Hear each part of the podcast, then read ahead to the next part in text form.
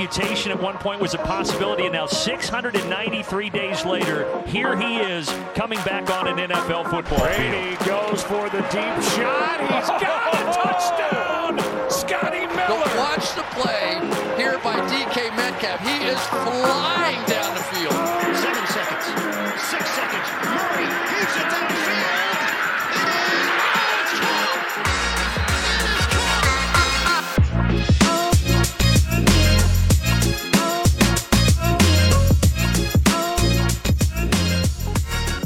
Welkom bij een nieuwe aflevering van de Sport Amerika NFL podcast. Het is tijd voor de recap van week 6. En normaal gesproken zit hij natuurlijk Tom de Vries, maar die heeft het helaas eventjes te druk om hier te zijn. Ik dacht, ik kom gewoon lekker even opdagen en een beetje vertellen over hoe het in Londen was allemaal. Maar nu zit ik hier en gelukkig zit ik hier niet alleen, want samen met mij om terug te kijken en eigenlijk om alle inhoud te doen, want ik heb veel minder gezien dan jij.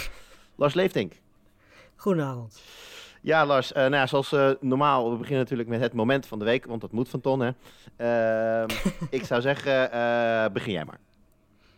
Ja, het, was op zich niet echt een, zeker het eerste gedeelte van de, van de 7 uur wedstrijden, was niet echt een, een plek waar je dan per se het moment van de week vandaan kunt halen. Maar ik heb het wel voor elkaar gekregen, want ja, voor mij het moment van de week was, misschien ook wel het meest besproken moment van de week, was de still eh, uitspraak van Aaron Rodgers na zijn eh, winnende touchdown, want zo mogen we toch wel zeggen, na die touchdown was het beslist. Eh, er was blijkbaar een of andere ja, fan op de, op de tribunes die hem een, zoals hij het zegt, double bird gaf.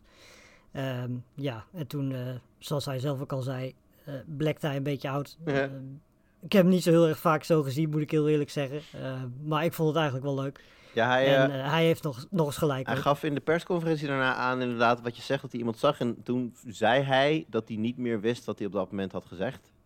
Ja. Maar dat was inderdaad, I still own you. eh, nou, ik weet uit mijn hoofd dat het zijn record tegen de Bears niet, maar 22 en 5. jij weet dat wel. En inderdaad, kort na die opmerking werd trouwens zoals altijd de Wikipedia-pagina van de Chicago Bears Ja. aangepast. En stond er bij owner uiteraard Aaron Rodgers. Dat, zo gaan die dingen hè, op dat moment. Ja, precies. Eh, ja, dat was, dat was voor jou zeg maar, een beetje het, onder het, het moment dat de wedstrijd onderstreept ook.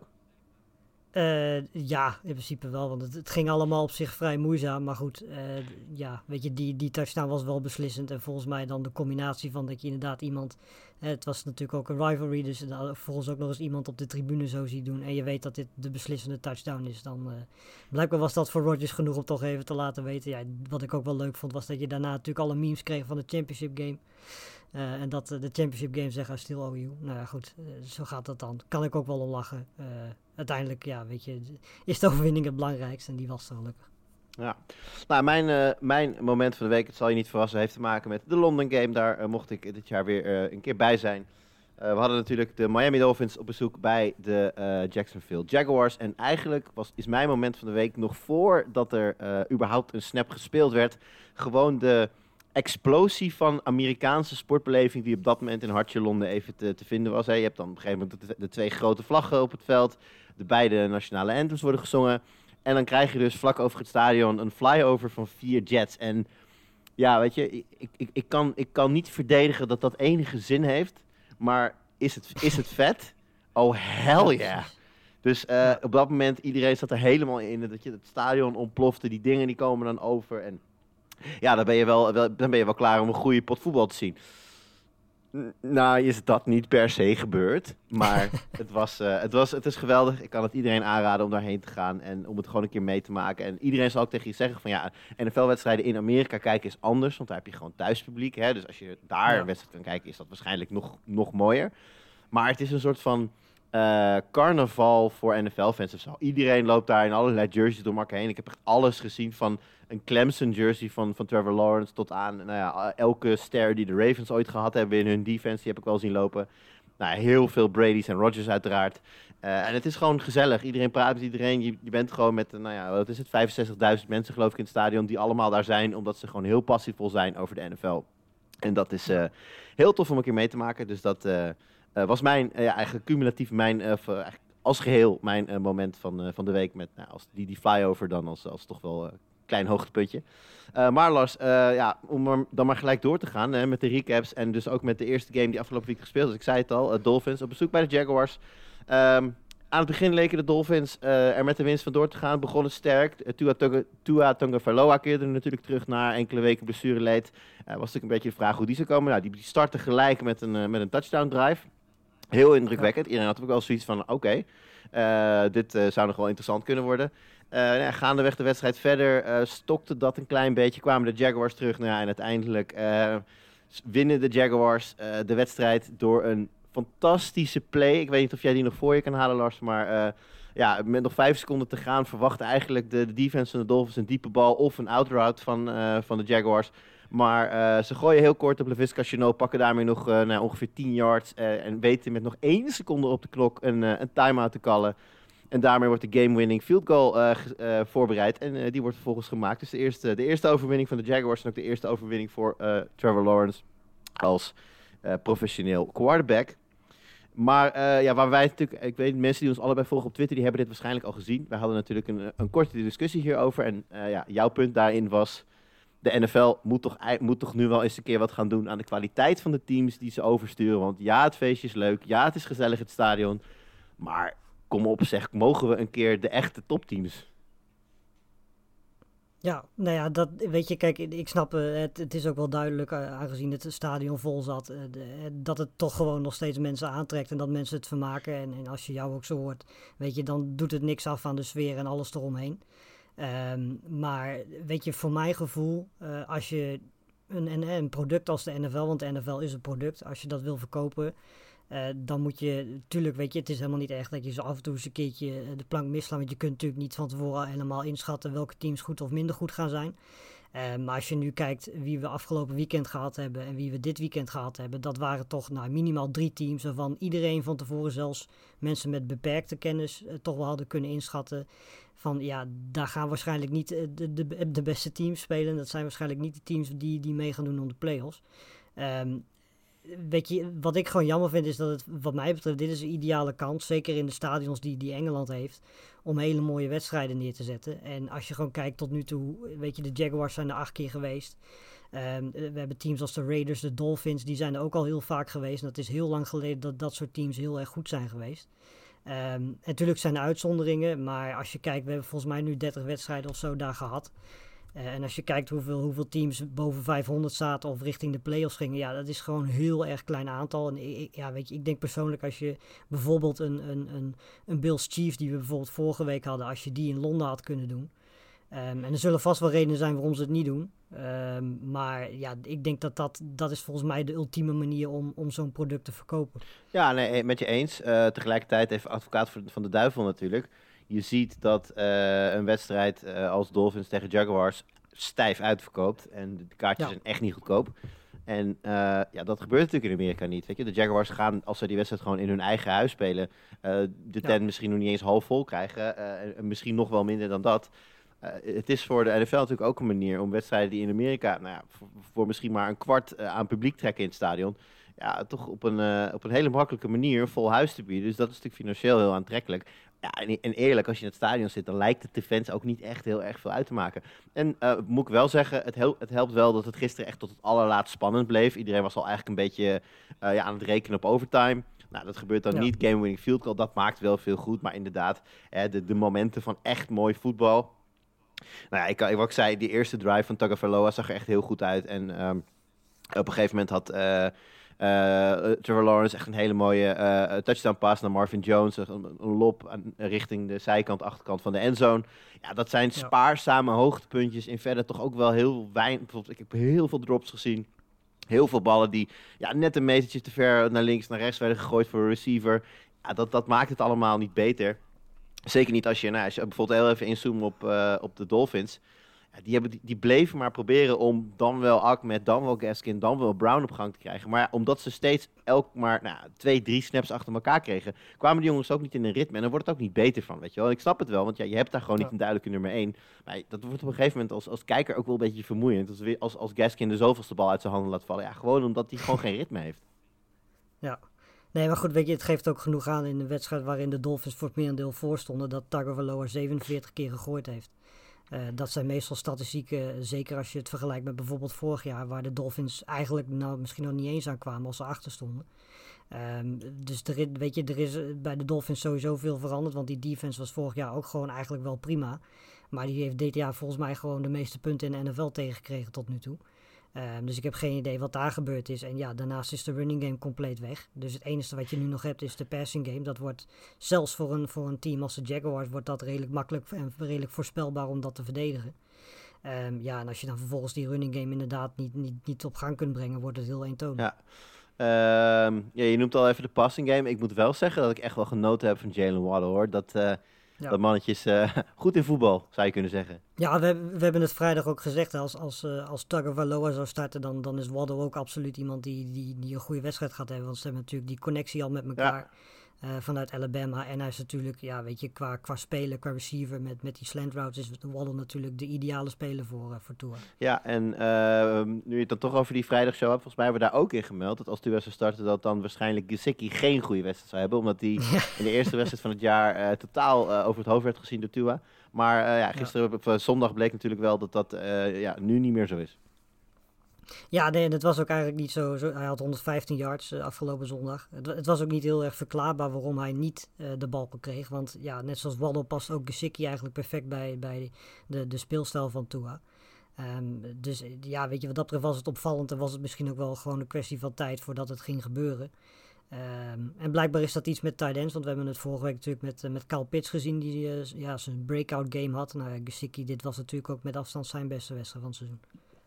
Dat eh, denk ik ook wel. Nou ja, goed, het was, eh, het was, om bij te zijn was het fantastisch. Ik denk eh, dat er niet heel veel mensen om half vier 's middags in Nederland pontificaal voor de televisie zijn gaan zitten voor deze, oh, voor deze ontmoeting. Maar nou ja, goed, ik, wat ik al zei, mocht je ooit de kans krijgen om naar de duels in, in Londen of eventueel volgend jaar in Duitsland te gaan, dan doe dat, want het is absoluut leuk om, om er gewoon bij te zijn. Trouwens, Zeker. Eh, laatste fun fact over deze wedstrijd. En daarvoor moet ik Jos bedanken, die met een verhaaltje bezig is voor eh, USA Sports. Nou, daar kan ik nog niet veel over vertellen, maar dat was volgens mij nog een beetje geheim. Maar ehm, hij eh, was naar de persconferentie van eh, de Jaguars. En daar werd hem verteld dat die play waar ik het net over had, die korte bal op Chenot, die hebben ze bedacht doordat Miami een, een time-out nam. Eh, want namelijk met nog vijf seconden op de klok namen eerst de Jaguars een time-out. Vervolgens linen ze up voor een play. En daar ging Miami tegenover staan. Miami callde volgens time-out, waren blijkbaar niet tevreden over wat ze zagen. En pas toen heeft, eh, hebben Urban Meyer en Lawrence die play op Chenault bedacht. Waar uiteindelijk dan de game-winning... eh, dus als Miami niet een extra time-out had gecallt, dan hadden, hadden de Jaguars een andere play gedaan. En dan was het misschien wel anders afgelopen. Dat vond ik wel een, eh, een, een, een grappig verhaal, wat ik zeg. Alle dank voor dit verhaal aan Jos. En nou ja, mocht je daar meer over willen weten, dan zou ik zeggen, hou de Nederlandstalige Amerikaanse sportmedia de komende tijd in de gaten. Want dan komt er misschien nog wel een keer wat uit waar je hier nog veel meer over van kunt, eh, kunt lezen. Goed, wat dat eh, tot hier eh, wat Londen betreft. Want er waren natuurlijk ook gewoon een, volle sleet met allemaal andere games, Lars. En ja, laten we dan maar doorpakken met mijn favoriete team. Want even om jou een beeld te geven. Ik had zo'n twee uur nodig, denk ik, om van het stadion naar een sportsbar te komen... waar ik dan Red Zone kon gaan kijken. En eh, ik miste daardoor een heel groot deel van de early games. Maar van de latere games heb ik meer gezien. En gelukkig zaten daar mijn eh, Patriots bij. Minder gelukkig eh, ja, was dat de Cowboys. Iedereen's meest geliefde team in de NFL. Wonnen van de Patriots. En ja, ik wil zeggen niet in de laatste plaats dankzij, of is het, on- of is het deze week ondanks Trayvon Diggs? Eh, ja, dat is heel lastig inderdaad. Maar het, ik vond het eigenlijk al te bizar voor woorden. En er komt straks nog een wedstrijd eh, waar je dat eigenlijk hetzelfde kan zeggen. Dat het überhaupt close was. Want als je kijkt naar alle statistieken was Dallas gewoon veel beter. Ja joh. Eh, men hebben ze echt kansen laten liggen om, om, om gewoon weg te lopen. Ehm, ja, die slotwazen was krankzinnig. Dat was, het begon natuurlijk allemaal met die, met die paas van Mac Jones. Die overigens ja, heel effectief eh, is tot nu toe dit seizoen. Niet heel erg eh, explosief. Maar heeft hij de eh, spelers om explosief te zijn? Er loopt, Nee, daar, absoluut er loopt niet. daar niet een heel of zelfs maar een Deshaun Jackson die eventjes eh, eh, een half veld in een paar seconden aflegt. Ja, nee, precies, maar dat hebben we van tevoren ook gezegd. Ze hebben de, de spelers om hem heen hebben ze aangepast aan zijn speelstijl. Ehm, en dat, ja, tot nu toe werkt dat wisselvallig. Ehm, maar goed, de, de, die paas van Mac Jones werd eh geïntercept door Dix inderdaad voor een, eh, voor een touchdown, waardoor de Cowboys eh, in één keer voor stonden. Dat is volgens mij ook al zijn zevende interception dit jaar, wat een bizar aantal is als je zes wedstrijden gespeeld hebt. Ehm, nou, dan dacht ik, ja, ik persoonlijk dacht ook van dat gaat natuurlijk nooit meer gebeuren dat de Patriots hier nog eh, een overtime uit gaan trekken. En dan vervolgens krijg je dus inderdaad die touchdown van Mac Jones, waar, eh, waar Dix gewoon compleet fout zit. En de andere, volgens mij die andere verdediger, dat was de safety volgens mij, die zat ook helemaal fout. Mhm. Eh, volgens mij was het Bourne die die bal ving. Ja, volgens mij uit mijn hoofd. Ja. Ja, nou ja, goed. Het, ja, dan is het vervolgens krijg je een, een- volgens mij krijg je een two-point conversion, waardoor ze inderdaad 29-26 voor staan. Eh, en ja, dan sluiten, sluiten de Cowboys het ook nog af met een mooie drive, waardoor ze 29-29 komen. Eh, en krijg je overtime. En eh, volgens mij, uit mijn hoofd, heeft New England de bal niet eens gehad in overtime. Of zeg ik dit verkeerd? Want we hebben heel veel overtime duels gehad afgelopen weekend. Ik ga even checken. Ja, ze hebben wel de bal gehad, Ja, dat dacht maar niet heel erg lang. Ja, precies. En eh, toen vervolgens, ja, de- kreeg Dallas de bal en die, die drive was heel erg goed. En uiteindelijk was het eh, die touchdown pass naar Lamb die eh, de wedstrijd beslist. Ja, trouwens, fun fact nog even over Trayvon Dix. Want het staat momenteel 2-1 in touchdowns tussen Trayvon en zijn broer Stefan Dix. En die 2-1 is voor de verdediger Trayvon Dix. Dus die heeft meer touchdowns dan zijn zeer gerenommeerde broer, die bij de Bills speelt natuurlijk. Maar die heeft vanavond nog een wedstrijd. Dus who knows waar die, waar die nog gaat eindigen. Ehm, ja, weet je, Lars, wat jij al zegt, het is eigenlijk een wonder dat deze wedstrijd zo lang close bleef. Voor mij kun je dat eigenlijk terugbrengen naar twee momenten waar Dak Prescott eh, eigenlijk eh, ja, in de eerste plaats heeft pech heeft en daarna een fout maakt. Ze hebben eh, de Patriots pakken in, in hun eigen endzone een ja, vrij toevallige eh, eh, eh, um, interception. Die wordt van richting veranderd, komt Pardoes bij een andere verdediger terecht en die, nou, die vangt de bal af. Dus dat, de Cowboys waren in de red zone, verliezen daar de bal. En eh, wat later in de wedstrijd probeert eh Dak Prescott de bal binnen te sneaken door over de pile heen te springen, maar verliest de controle van de bal voordat hij de plane breekt. Fumble, bal kwijt. Kijk, dat zijn twee momenten dat, dat, dat de Cowboys eigenlijk gewoon gaan scoren, eh touchdown kunnen maken. Ja, als, die, als dat niet gebeurt, als die gekke turnovers daar niet gebeuren, dan is dit geen spannende wedstrijd. En dan is het gewoon inderdaad een veegpartij die nou, wij in ieder geval van tevoren hadden verwacht. Maar goed, het bleef dus wel spannend. En eh, ja, dat maakt het extra zuur dat er voor iemand een, eh, een touchdown van het, van het bord verdween. Ja. Ja. ja, Lars, vertel maar. eh, Jacoby Myers. Ja, nou ja, we hebben het er natuurlijk al een tijdje over dat hij zit te wachten op zijn eerste, eerste touchdown. En eigenlijk had hij die ook, de afgelopen wedstrijd. Ehm, maar ja, dan zul je altijd zien op het moment dat je hem vangt dat hij wordt teruggecallt. En dat gebeurde ook. Ik weet niet precies meer voor wat voor penalty dat was. Ehm, maar ja, in ieder geval die touchdown die hij ving, die, eh, die ging niet door. En eh, voorlopig staat hij dus nog steeds op nul. Ja, dus dat, eh, nou ja, goed. on to next week, hè, zoals, eh zoals Belichick dat dan altijd zo mooi zegt. Ja. Gaan we zien. Ja. Korte conclusie over deze teams. Patriots, ja, in opbouw, in herbouw gaat dit seizoen denk ik niet een rol van betekenis spelen. Cowboys, ehm, ja, in hoeverre zijn zij, nou, playoff kandidaat lijkt me nogal wie is, maar Super Bowl kandidaat? Ja. Eh, ja, dat, dat wordt wel interessant. Want ze krijgen natuurlijk wel eh, dit seizoen nog een paar uitdagende wedstrijden. Niet per se in hun divisie. Want hun divisie die hebben ze eigenlijk al nagenoeg binnen. eh nu was de voetbalteam zo matig is begonnen. Maar ze mogen nog tegen de, tegen de Chiefs spelen. En nog tegen Arizona. Dus dat worden twee wedstrijden waar we toch ook wel weer een beter beeld zullen krijgen. Want laten we wel wezen. Ze hebben de Buccaneers en de Chargers hebben ze uitgedaagd in de eerste twee weken. Maar het programma daarna is niet heel indrukwekkend geweest.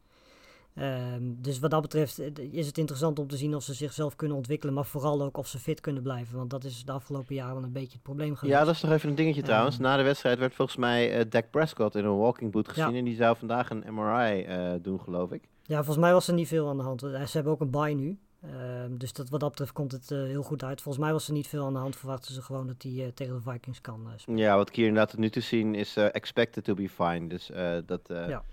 Nou, gaan we voor, vooralsnog dan vanuit dat daar niks aan de hand is.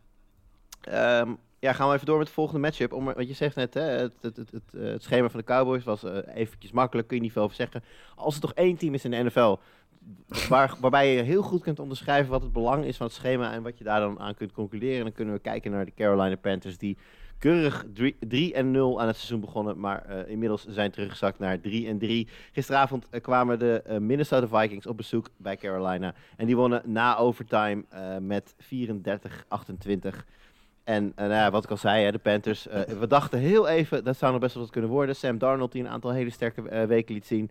Maar ja, Sam Darnold, Darnold is inmiddels gewoon weer naar, terug naar good old Sam Darnold. Ehm, het Ja. helpt natuurlijk niet dat Christian McCaffrey eh, niet meedoet. En ook kort voor het weekend werd hij op IR gezet. Dus die zal er ook de komende, eh, nou dit was dan de eerste wedstrijd, dus de komende twee wedstrijden sowieso nog niet bij zijn. Dat helpt daar natuurlijk niet, hè? absoluut de beste speler.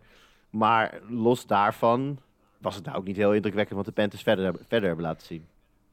Uh, nee, zeker niet. En het, ook deze wedstrijd, net zoals bij de wedstrijd die we net besproken hebben, was het eigenlijk te bizar voor woorden dat ook hier het nog spannend werd. Want uh, ja, ook de Vikings waren statistisch gezien in deze wedstrijd op elk gebied eigenlijk beter. Uh, stonden ook 18, nee, 25, 17, 28, 17 zelfs voor. met ingang van het vierde kwart. Nou, dan geven ze een, een field goal en een, en een touchdown weg aan het einde. waardoor je dan nog overtime krijgt. Ehm, ja, dat weet je, bedoel, het is jammer, want Sam Darnold zag inderdaad die eerste vier weken ook tegen de Cowboys, zag hij er nog wel prima uit. Maar ja, wat ze de laatste, laten we zeggen, laatste twee weken, dus tegen de, tegen de Eagles zag het er niet zo fantastisch uit. En nu tegen de Vikings eigenlijk heel lang weer niet. En uh, dat komt natuurlijk deels door, door Darnold zelf. Hè, want uh, ja, weet je, de intercepties die hij in de vorige wedstrijd in deze gooit, zijn niet allemaal de fout van anderen. Uh, maar voor wat ik hoor van, van fans is het ook zo dat er heel veel uh, drops waren, dat de offensive line vrij dramatisch is. Mm -hmm. en dat het zo langzamerhand een beetje begint te lijken op een kopie van wat hij had bij de Jets. zeker nu natuurlijk Christian McCaffrey er niet meer is. Um, ja, dat is wel zonde, want je wil Darnold uiteindelijk wel gewoon daadwerkelijk in actie zien uh, op een manier dat hij ook gewoon competitief kan zijn. En in principe van tevoren dachten we ook dat hij dat had uh, met dit team, met de Panthers. Dat had hij in de eerste drie weken ook. Uh, maar ja, nu de en McCaffrey weg is en de kwaliteit van de tegenstanders wat beter wordt, zie je toch dat hij zo af en toe weer spoken ziet en zo af en toe ook ja. Ja, niet geholpen wordt door, door zijn team. Nou, competitief zijn ze natuurlijk wel. Hè, want nou ja, als ik de, de Panthers dan toch ergens credit mag geven, dan is het denk ik de defense. Uh, de, de, Vikings ja. kregen natuurlijk deze week uh, Delvin Cook weer terug. Ja, die vormt natuurlijk een hele sterke 1-2 punt samen met Alexander Madison. Dan hebben ze natuurlijk met Jefferson en Thielen ook twee, nou, misschien wel een van de twee, een van de beste wide receiver koppels. KJ Osborne, die uh, natuurlijk daar ook uh, stilaan aan het doorbreken is. En natuurlijk de, de beslissende score maakt in overtime.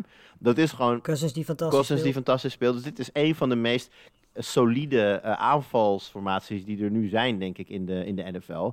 Ja, die heb je ja. in ieder geval voldoende afgeremd om in het vierde kwart nog een gelijkmakende drive te kunnen maken. Dat was overigens wel echt genieten. Ik bedoel, hè, ook voor de neutrale kijkers in deze wedstrijd natuurlijk. Is het natuurlijk altijd leuk om te zien dat de underdog dan terugkomt in de wedstrijd en, het nog, en, en er een OT uh, uitsleept. Ik heb echt wel genoten van die, van die drive op dat moment. Maar uh, ja, uiteindelijk bleek het uh, toch te weinig te zijn. Ondanks dat inderdaad de, de, de Panthers die het nog best redelijk heeft gedaan.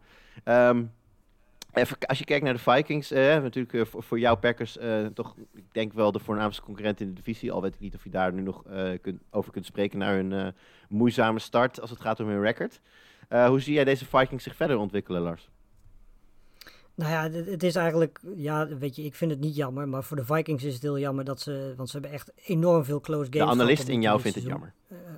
Precies, de analist in mij vindt het jammer dat, dat zij de wedstrijden bijvoorbeeld tegen de Bengals, uh, tegen de Cardinals, dat ze die niet gewonnen hebben. Want dat was gewoon heel goed mogelijk geweest. En dan waren ze nu gewoon, in plaats van uh, de 3 om 3 die ze nu zijn, waren ze 5 om 2 geweest. Hadden ze gewoon volop meegedaan. En ik denk dat dit team kwalitatief gezien ook wel een, een team is wat gewoon boven 500 gaat eindigen. Want ze zijn veel te goed, zeker aanvallend gezien daarvoor. Um, maar ja, ik denk dat ze nu al te veel kansen hebben laten liggen om met de Packers mee te kunnen, denk ik. Ondanks dat ze nog twee keer tegen de Packers moeten.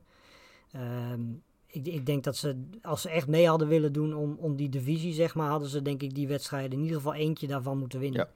Ja. Uh, maar dit is wel een team wat gewoon voor die laatste, en voor die twee wildcard-plekken zeker tot het laatste moment mee gaat ja. dat, dat, twijfel ik niet. Misschien, misschien doen ze er dan wel goed aan om even te kijken of er niet een andere kicker te krijgen is op de markt. dat is, ja, dat klopt. Maar ik denk dat iedereen die bij de Vikings komt daarmee besmet wordt. Dat is waar. Ja, goed. Voor wie dat gemist had, hè, Greg Joseph had opnieuw uh, in reguliere speeltijd nog de kans om uh, de wedstrijd daar al te beslissen. Nou, ja, goed, uh, dat lukt hem niet. De bal gaat naast. Uiteindelijk winnen de, de Vikings dus alsnog eens. Is er niks aan de hand. Maar ja, het moet voor de jongens daar ook wel een beetje een, een vervelend ja. verhaaltje worden. Dat je, als hij dan toch weer moet aanleggen voor zo'n belangrijke bal. Dat je toch denkt van ja, jezus, daar gaan we weer. Ja, dan moet je maar gewoon touchdowns blijven scoren, zo simpel is het. Ja, en nog heel even kort, uh, Adam Thielen hadden we een paar weken niet gezien, maar die is weer helemaal terug, hè? Ja, nou ja, het zat er ook wel, weet je, bedoel, zo'n goede speler als Thielen, die kan natuurlijk niet drie, vier, vijf weken, uh, ja, zo, nou ja, matig, maar in ieder geval zo onzichtbaar zijn. En we weten allemaal dat Thielen ook wel eens af en toe een touchdown vangt. En uh, ja, afgelopen weekend was het een keer weer zijn, uh, zijn weekend. Um, ben benieuwd of dat wat, wat consistenter kan. Um, maar het probleem is gewoon dat, dat er met Jefferson, met Osborne natuurlijk ook nog jongens rondlopen. Je hebt Cook daar nog. Dus Phelan heeft wat dat betreft gewoon veel concurrentie. En uh, ja, tot nu toe uh, is dit wel zijn beste wedstrijd van het seizoen geweest, denk ja. ik. Goed, nou, zoals gezegd, de Vikings winnen deze wedstrijd 34-28 en eh, blijven volop in de race voor eh, later de wildcard. Eh, gaan wij door naar eh, de Seahawks die op bezoek gingen bij de Pittsburgh Steelers. Nou, Seahawks verhaal is bekend, Russell Wilson raakte geblesseerd, eh, mist waarschijnlijk minimaal vier weken. Stond trouwens gisteren wel op het veld voor de wedstrijd. Die Ja. hij was gewoon zijn quarterback drills aan het doen. Dus ik vond het zeer ja, mooi om te zien eigenlijk. Dat hij, ondanks dat hij weet dat hij niet ging spelen, toch...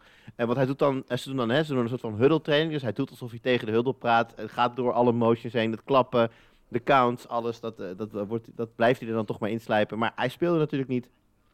Eh, wie er wel speelde was Gino Smit. En Lars, ik moet zeggen, ik heb vrij weinig van deze wedstrijd gezien. Dus vertel mij vooral hoe goed of slecht Gino Smit speelde. Nou, eigenlijk prima.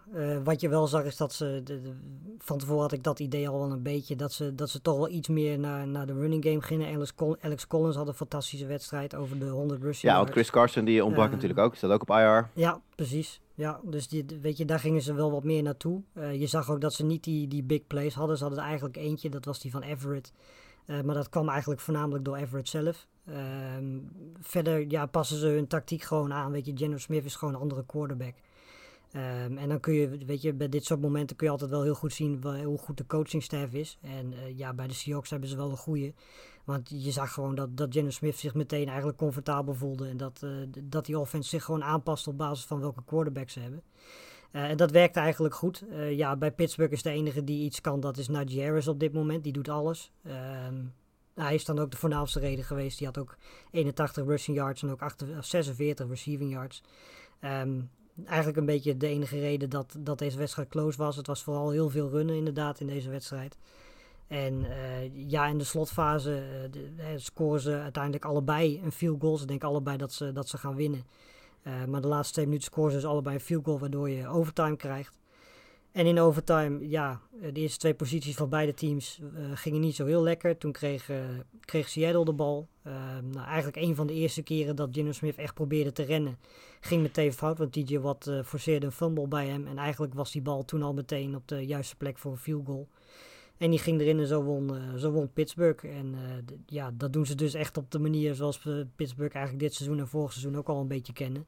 Eh, defense, running game. En dan ja, niet op de mooiste manier, maar ze krijgen het voor elkaar. Ze doen voorlopig gewoon mee. eh, ja, in ieder geval die divisie. En toch ook nog wel steeds om de wildcard plek. Ja, ik heb in de, in de shows die wij samen hebben opgenomen, ook in de, in de fantasy setting natuurlijk, over het al, heb ik al regelmatig genoemd dat ik niet zo heel erg onder de indruk meer ben van de quarterback Ben Roethlisberger.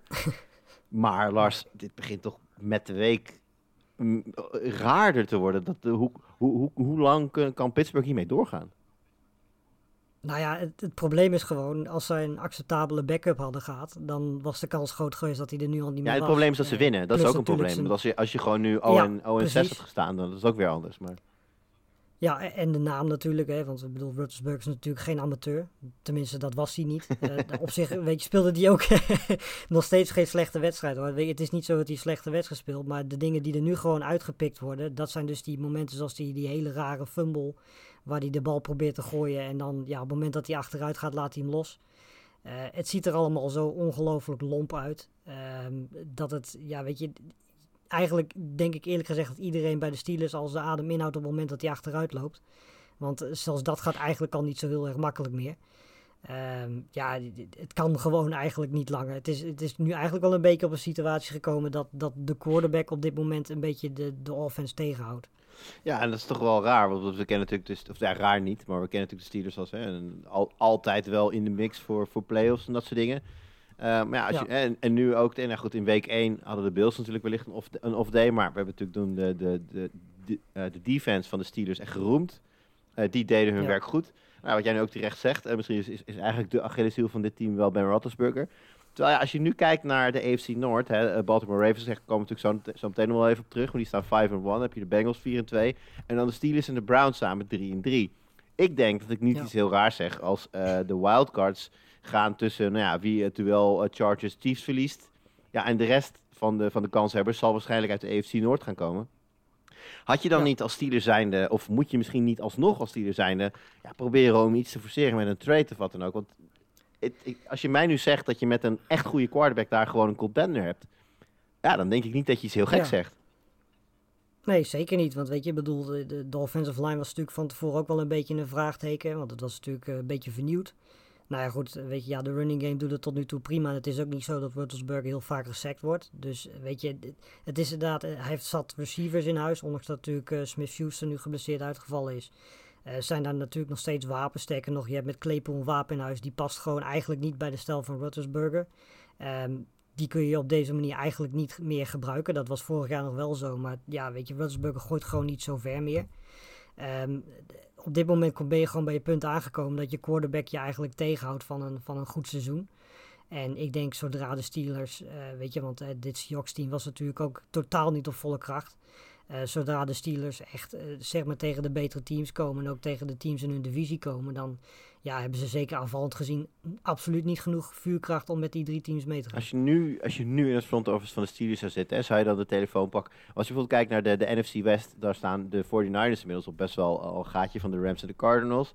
Nou, Detroit Lions is natuurlijk een duidelijk verhaal. Nou, ja, we weten allemaal dat de Niners eigenlijk door willen eh, met, waarom ben, waarom ben ik nu zijn naam kwijt? Eh, Twee Trey lens, Lance. dankjewel. Ja, dat is toch dat lange weekend in Londen, hè? Dat, eh, doet, dat doet mijn, eh, mijn hoofd geen goed. Nee, maar eh, mijn punt was, eh, Jimmy Garoppolo zou best wel eens beschikbaar kunnen zijn voor een trade. In, dit, in, bij Detroit kun je misschien Jared Goff wel ophalen, want dat zal ook niet hun franchise quarterback zijn. Zijn dat, Ja. eh, eh, zijn dat top 10, top 15 quarterbacks? Nee. Maar we weten van Garoppolo in ieder geval dat hij met een- goede, als de rest om hem heen goed is, dan kun je met hem naar de Super Bowl. Van Goff weten we hetzelfde. Ze hebben er allebei gestaan de laatste jaren. Dus eh, ja, ik weet niet. Ik, ik, ik zou misschien, als ik, eh, als ik de Steelers was, eh, iets eh, ja, sneller ingrijpen. Zeker nu ook, als je nu ook ziet hoe goed het loopt met Najee Harris. Nou, weten dat je toch ook nog wel in de, in de passing game wat wapens hebt. Misschien laat je wel een hele grote kans liggen als je niet heel snel eh, doorpakt dit seizoen. Maar goed, eh, Ja. eh, tegelijkertijd, ik zeg dat, tegelijkertijd, dat is niet echt de Steelers-stijl. Ik denk dat ze het gewoon gaan afmaken met Roethlisberger en eh, nou, dan maar volgend jaar. Ja. Goed, gaan wij eh, door naar de volgende wedstrijd. Ik zei het al, de Ravens eh 5-1 en daarmee gaf ik het eigenlijk al een beetje weg. Want de Ravens hebben inderdaad in eigen huis gewonnen van, en dat is wel verrassend, de Los Angeles Chargers. Toch, eh nou Lars, het team, als je mij eh, van tevoren, eh, voor- deze week had gevraagd, Jur, wie denk jij nu dat er in de, de Super Bowl gaan komen, dan had ik waarschijnlijk tegen je gezegd de Los Angeles Chargers tegen de Tampa Bay Buccaneers. Ehm, Ja. Nou, dat liep even anders deze zondag. Ja, nee, dat was duidelijk. Het is, Baltimore won 34-6. En eigenlijk achteraf, als Wacht je erover even, wacht, nadenkt, nog één keer. 34-6. 34-6.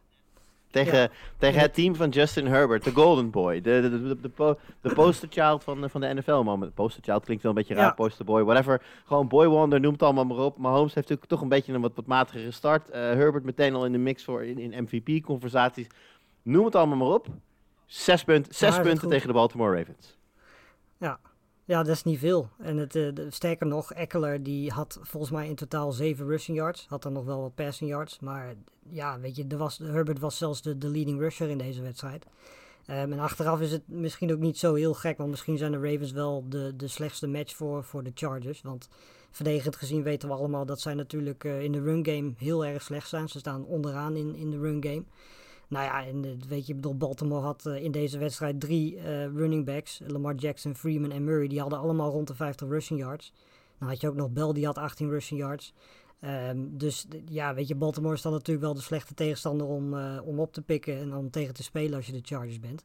En daarnaast hebben de, de Ravens natuurlijk ook, ondanks dat ze al die blessures hebben, echt wel een hele goede defense nog steeds. En eh, ja, dat laat je wel zien als je, als je tegen zo'n goede offense speelt die voorafgaand aan dit weekend zo, zo explosief was, zoveel punten scoorde, dat je ze dan op zes punten kunt houden.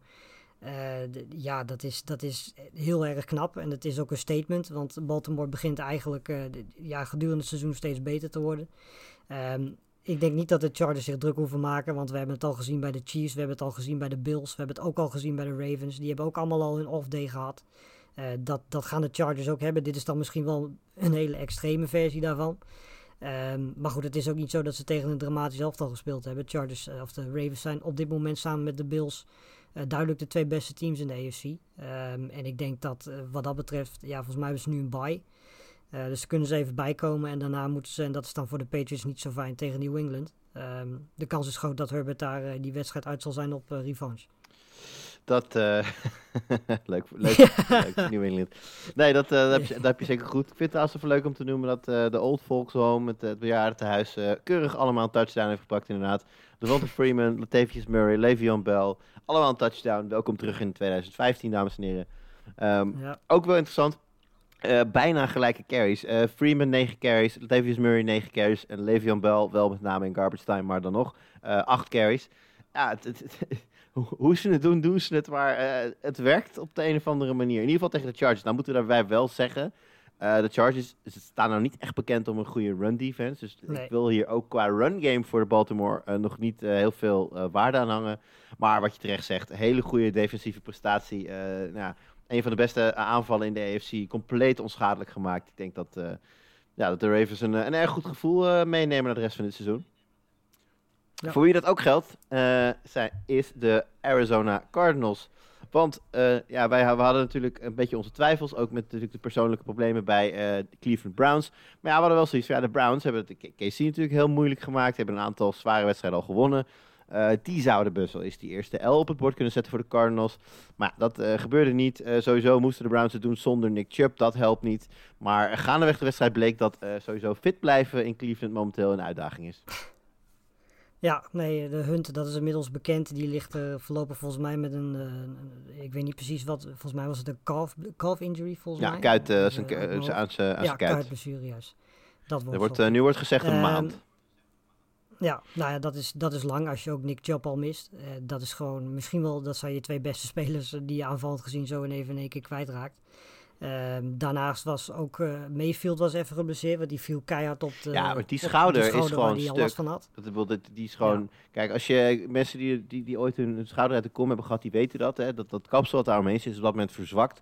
Wat dus de kans op een volgende, eh, volgende schouder uit de kom groter maakt. Iedere keer dat het gebeurt, wordt de kans dat het weer gebeurt groter. En dat moet je operatief herstellen of heel erg lang laten, laten genezen.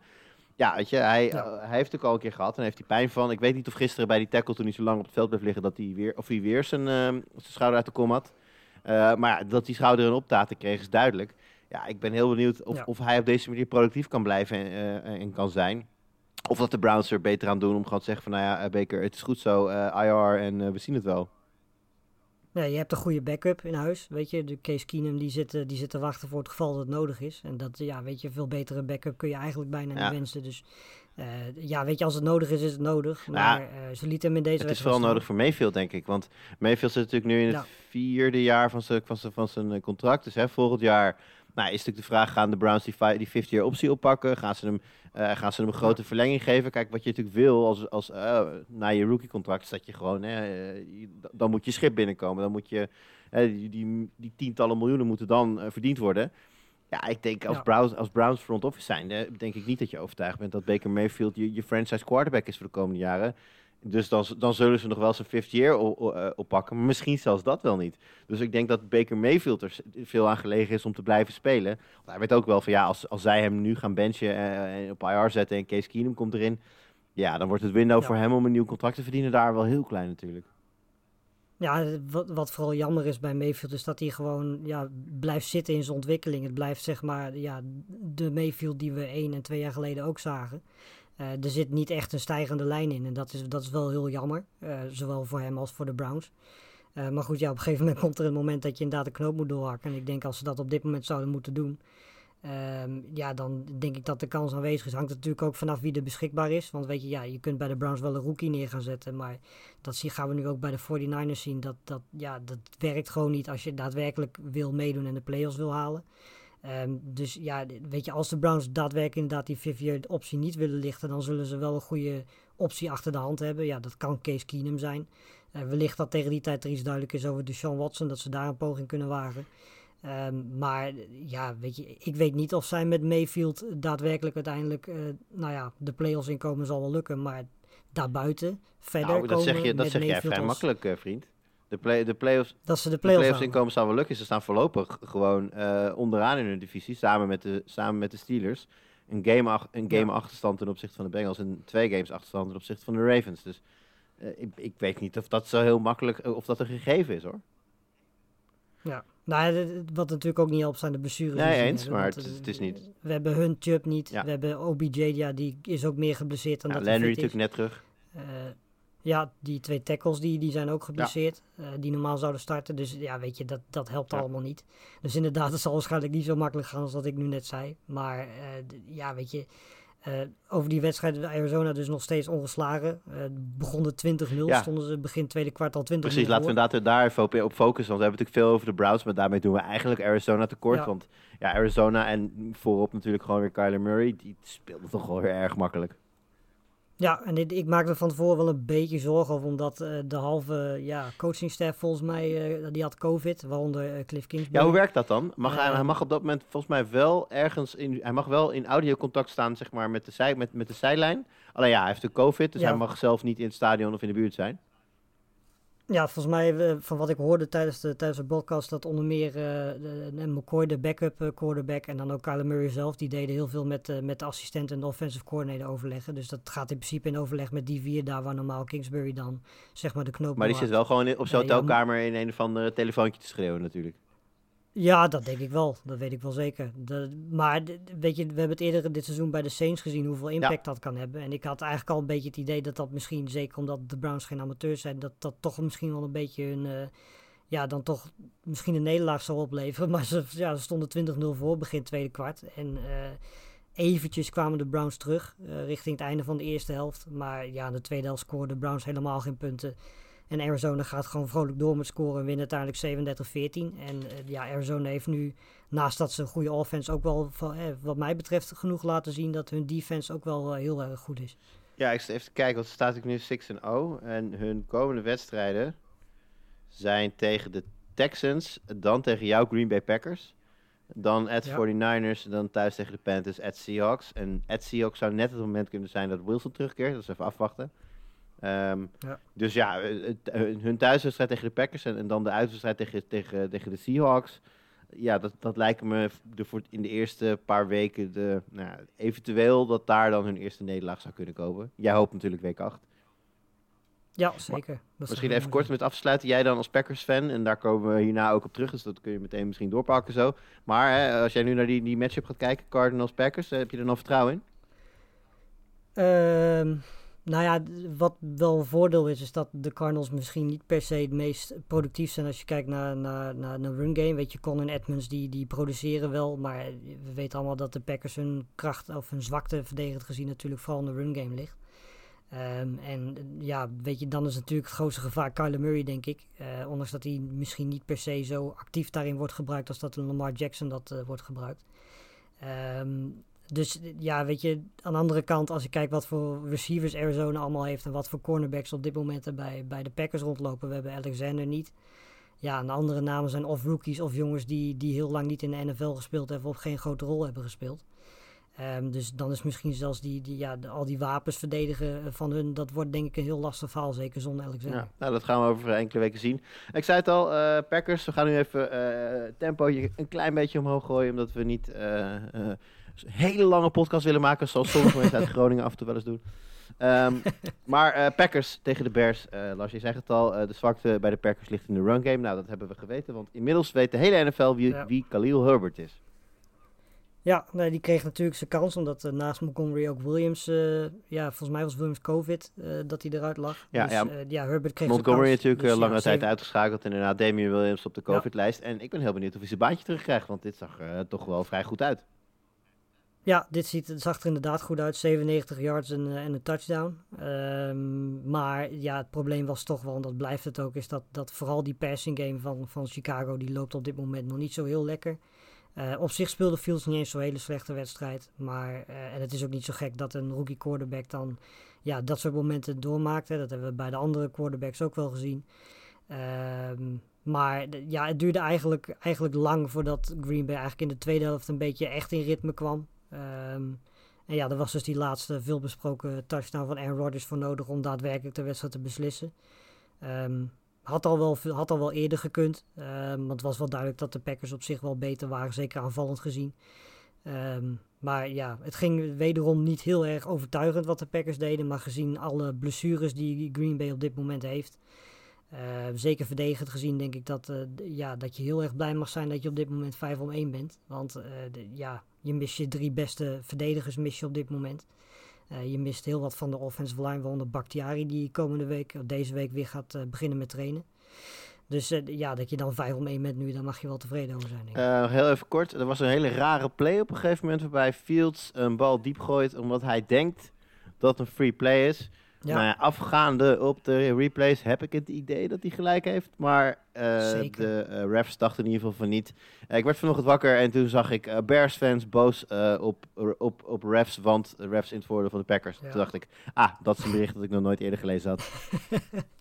Nou, het, het, was sowieso, weet je, ik kan er ook wel paar aan de kant van de Packers op noemen. De, refs waren in deze wedstrijd niet in vorm, laten we het daarop houden. Goed, gaan wij lekker door. Uh, de Bengals tegen de Lions. Nou ja, ik heb natuurlijk al gezegd Lions 0-6. Dus dat betekent al dat uh, de Bengals uiteraard uh, gewonnen hebben daar. na de eerste vijf weken hebben we natuurlijk heel veel gezien. de, de Burrow-connectie met Jamar Chase, hè, rookie. Denk de best gestarte rookie. in ieder geval van de wide receivers. Najee Harris natuurlijk ook uitstekend gestart. Um, nou ja, Lars, vertel maar, was dat nog steeds de trein die het was tot nu toe? Ja, zeker. Chase had 97 uh, receiving yards in totaal. Staat nu volgens mij als rookie ook in de top 10 uh, qua receiving yards. Wat, wat heel knap is.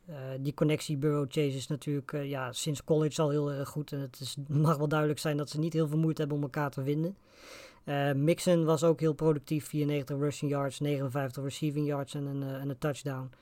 Ja, en, en Higgins en Boyd zijn eigenlijk een beetje, beetje de lul nu Chase het zo goed doet. Want die, uh, die krijgen nou ja, op zich niet per se minder, minder targets, maar wel minder productie. En Chase is op dit moment gewoon de, de deep threat van dat team. Daar waar Higgins dat voornamelijk vorig jaar was.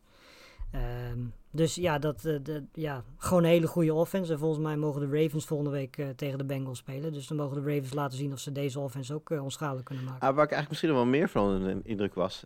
als je even gaat kijken bij de Lions, dan zie je bijvoorbeeld DeAndre Swift, 13 carries voor 24 yards. Wel ja. een touchdown, maar oké. Okay. Jamal Williams, 4 carries, 11 yards. Het is, het is cumulatief 36 yards wat de Lions bij elkaar hebben gelopen tegen de Bengals. Um, we hebben het natuurlijk veel over, de, over Burrow, over zijn passes, over, de, de, de, over Mixon en over de, de receivers die er rondlopen. Maar is de Bengals defense... Ja, oké, okay, het, ja, oké, het is tegen de Lions. Maar is de, is de Bengals defense misschien sneaky good?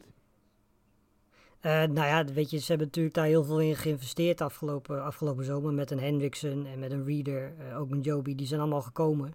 Um, ja, weet je, dat zorgt in ieder geval al voor meer pass rush, maar ook veel, be veel betere run defense. En uh, tot nu toe dit jaar zijn ze van een van de mindere units naar gewoon een, ja, in ieder geval middenmode unit gegaan. En als je zo'n goede offense hebt, ja, dan, dan ik kan dat al genoeg zijn. Uh, Wilson, de linebacker, die heeft ook volgens mij al vier interceptions of zo, speelt ook een heel goed seizoen.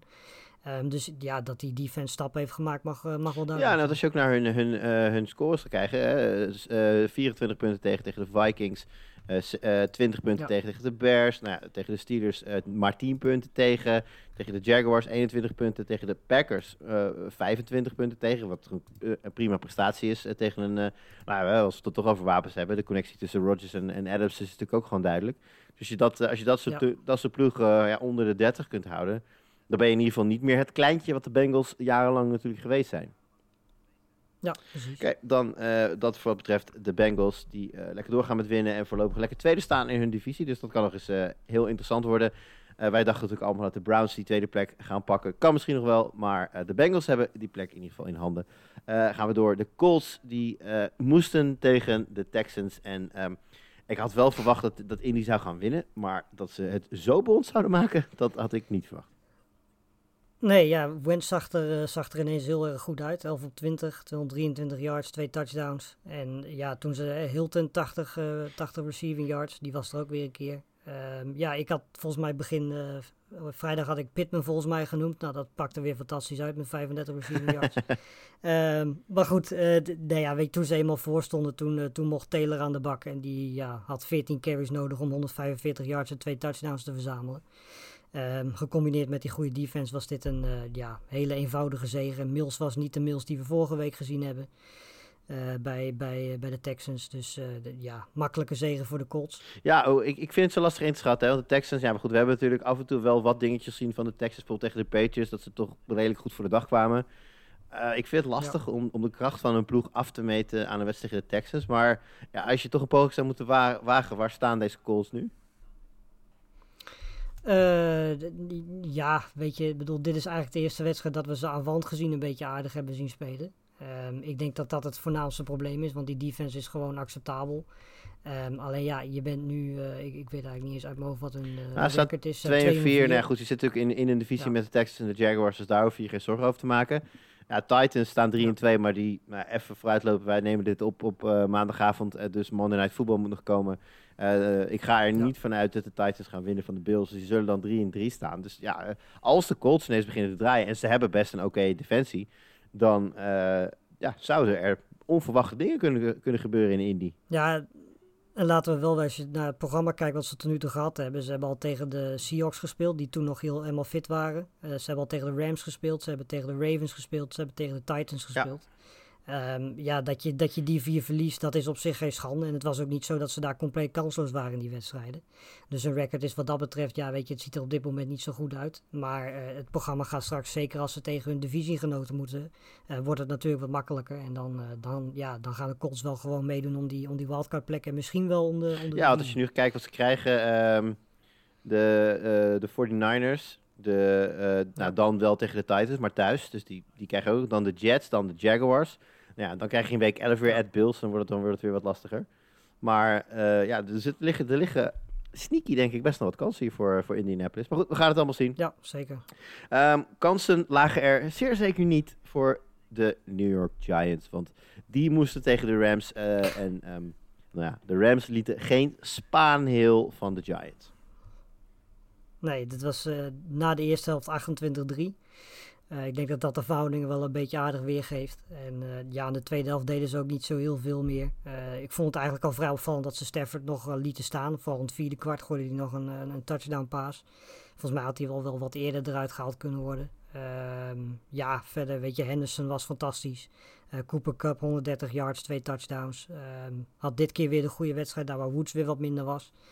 Um, ja, en bij de Giants is het, uh, ja, je wordt er niet heel erg vrolijk van. Die defense, uh, de, ja, dat is niet meer de defense die vorig jaar zo af en toe nog wel eens indruk maakte. Um, en Daniel Jones, ja, die heeft volgens mij nog steeds last van zijn hersenschudding. Want die ging 29 om 51, 242 ja, yards. Kijk, hij, hij zal niet letterlijk nog steeds een hersenschudding hebben, want daar is natuurlijk het protocol voor. Maar hij heeft natuurlijk ja. deze week niet getraind. Want toen zat hij nog wel in het protocol. Nee. Ja, dat, eh, kijk, ik, ik ga niet zeggen dat een topfitte Daniel Jones wel wint van de Rams. Maar het is natuurlijk wel een perfect storm van alles wat tegen zit bij, uh, bij uh, de Giants. Waar trouwens volgens mij Kadarius Tony al in het eerste kwart na enkele ja. plays al uitviel. Uh, nou ja, de andere receivers kwamen net terug. Dus dat, ja, dit is natuurlijk... Kwam Barkley er uit, uiteraard niet bij. De Von de Boeker kwam nooit lekker ja. op stoom. Dus ja, het, het, is, het zit gewoon even niet lekker bij de Giants. Ja, en als je op dat moment tegen de Rams moet, wat gewoon een van de sterkste teams in de NFL zijn momenteel, ja, dan weet je dat er zo'n uh, zo'n dag ja. kan, uh, kan gebeuren. Dus ik denk voor de Giants uithuilen en in de komende week gewoon weer doorgaan. Ja. datzelfde geldt voor het Washington voetbalteam. Want ach, Lars, wat was het mooi. De tussenstand in de rust. ik weet even, ik weet even ja. niet meer, maar was het, was het 13-10 voor, voor Washington in de rust? ja, ja, 13-10. Um, dramatisch, dramatisch spel van Mahomes. Een hele gekke interceptie waarbij die Volgens mij wordt gesekt ja. en hij wil dan de bal nog gooien, maar gooit hem eigenlijk kaarsrecht de lucht in. En dan was het, uh, ja, ik dacht dat het Chase Young was die hem ving, weet ik niet helemaal zeker. Uh, die, ja goed, die jongen die krijgt hem echt in zijn basket. Die denkt ook van, nou ja, dankjewel voor dit cadeautje en, uh, en de groeten. Ja. ja, en de tweede helft, dat was een ander verhaal, hè? Ja, nee, dat, op zich viel het in de derde kwart nog wel mee. want er stond aan het einde van de derde kwart 17-13 voor, voor de Chiefs. Maar uh, ja, in de vierde kwart, weet je, we kennen de Chiefs natuurlijk allemaal. Die kunnen voor drie kwart lang een, matige wedstrijd spelen en dan in één kwart kunnen ze exploderen. Uh, dat deden ze ook. Uh, twee touchdowns in, wat zeg ik, ja, twee touchdowns in, in, in, het vierde kwart, waardoor ze uiteindelijk winnen. Washington kreeg aanvallend gezien de tweede helft helemaal niks voor elkaar. Heineke die, die was, ja, die moest ook veel gooien, want volgens mij was Gibson ook geblesseerd uitgevallen, zeg ik uit mijn hoofd. Um, en Heineken zelf gooide dus 39 keer, was niet accuraat, uh, interception erbij. McKissick was, was degene die ja, het meest gebruikt werd, die werd ook 10 keer gezocht. Nou, dat is ook niet zo'n heel goed teken, want dat betekent dat de andere receivers meestal niet zo heel erg vrij weten te komen. En um, ja, weet je, de defense van Washington, dat, dat hebben we al een paar keer besproken dit jaar, denk ik. Die uh, is tot nu toe absoluut nog niet uh, wat hij vorig jaar was. Zeker niet in, in, in de secondary. En dat, eh, ja, dan heb je tegen de Chiefs natuurlijk wel een probleem met een Hill en een Kelsey die daar rondlopen. Ja, nee, eh, en met Heineken noemde je trouwens, de, hè, in ons fantasy show was dat mijn tip voor de start. Nou, die had in uh, half PPR 10 Ja. punten. Dus dat was ook niet de allerbeste tip die ik ooit gegeven heb. Maar goed, dat maakt allemaal niet uit. We gaan gewoon gezellig verder met de laatste wedstrijd alweer. eh, ehm, en dat was Raiders tegen de Broncos. Raiders was natuurlijk een vraagteken. Natuurlijk vorige week eh, het, het ontslag van John Gruden gezien. Eh, en de grote vraag was, ja, hoe gaan ze terugslaan? En eh, ja, goed, wij zeiden in fantasy, blijf er maar vanaf tot je ziet wat ze kunnen. Nou, ik heb niet het idee dat ze Gruden erg missen. Nee, ik ook niet. En ik denk dat vooral eh Kenyon Drake heel blij is dat hij weg is. Want die, ja, waar die in één keer vandaan kan, geen idee. Twee catches, 39 yards en een touchdown. Vier carries, 34 yards en een touchdown. Dus die was heel erg productief. Eh Derek Carr was heel erg goed. Ehm, connectie met Ruggs. Ja, weet je, we kennen Ruggs inmiddels wel een beetje als een speler die af en toe een wedstrijd helemaal onzichtbaar is. En dan af en toe weer eens een keer eh, zo'n wedstrijd heeft als afgelopen weekend. Ja, en eh, Denver, ja, weet je, Denver is een beetje dezelfde situatie als bij de, bij de Panthers. Eh, de eerste drie weken tegen de Giants, Jaguars en Jets allemaal gewonnen. Was ook redelijk overtuigend. Bridgewater speelde goed. We hadden het erover dat die, dat die move om voor Bridgewater te kiezen in plaats van voor Lok tot nu toe goed uitpakte. Nou, dat was ook zo. Nou, vervolgens dan van Baltimore verliezen, dat is natuurlijk geen schande. Uh, maar daarna verloren ze ook van Pittsburgh. Uh, deden ze op zich wel aardig mee, maar hadden ze ook aanvallend gezien de, de vuurkracht niet. Uh, ondertussen hadden ze natuurlijk ook veel blessures opgelopen met Judy en Hamler. Onder meer die, die uitvielen. Ja, en afgelopen weekend Bridgewater drie interceptions. ja, weet je, het enige wat eigenlijk echt betrouwbaar was in die wedstrijd was de running game. Want die hebben met Williams en met Gordon natuurlijk wel een fantastisch duo in huis. Uh, misschien wel na, na Chubb en Hunt op dit moment het, het, het, leukste in ieder geval. Misschien ook wel het beste running back duo wat, uh, wat er is.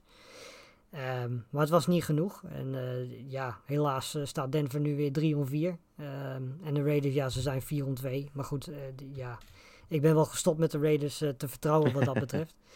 ze moeten wel tegen de Eagles en de Giants de komende twee weken. Dus de kans is groot dat ze misschien straks zelfs 6 om 2 zijn.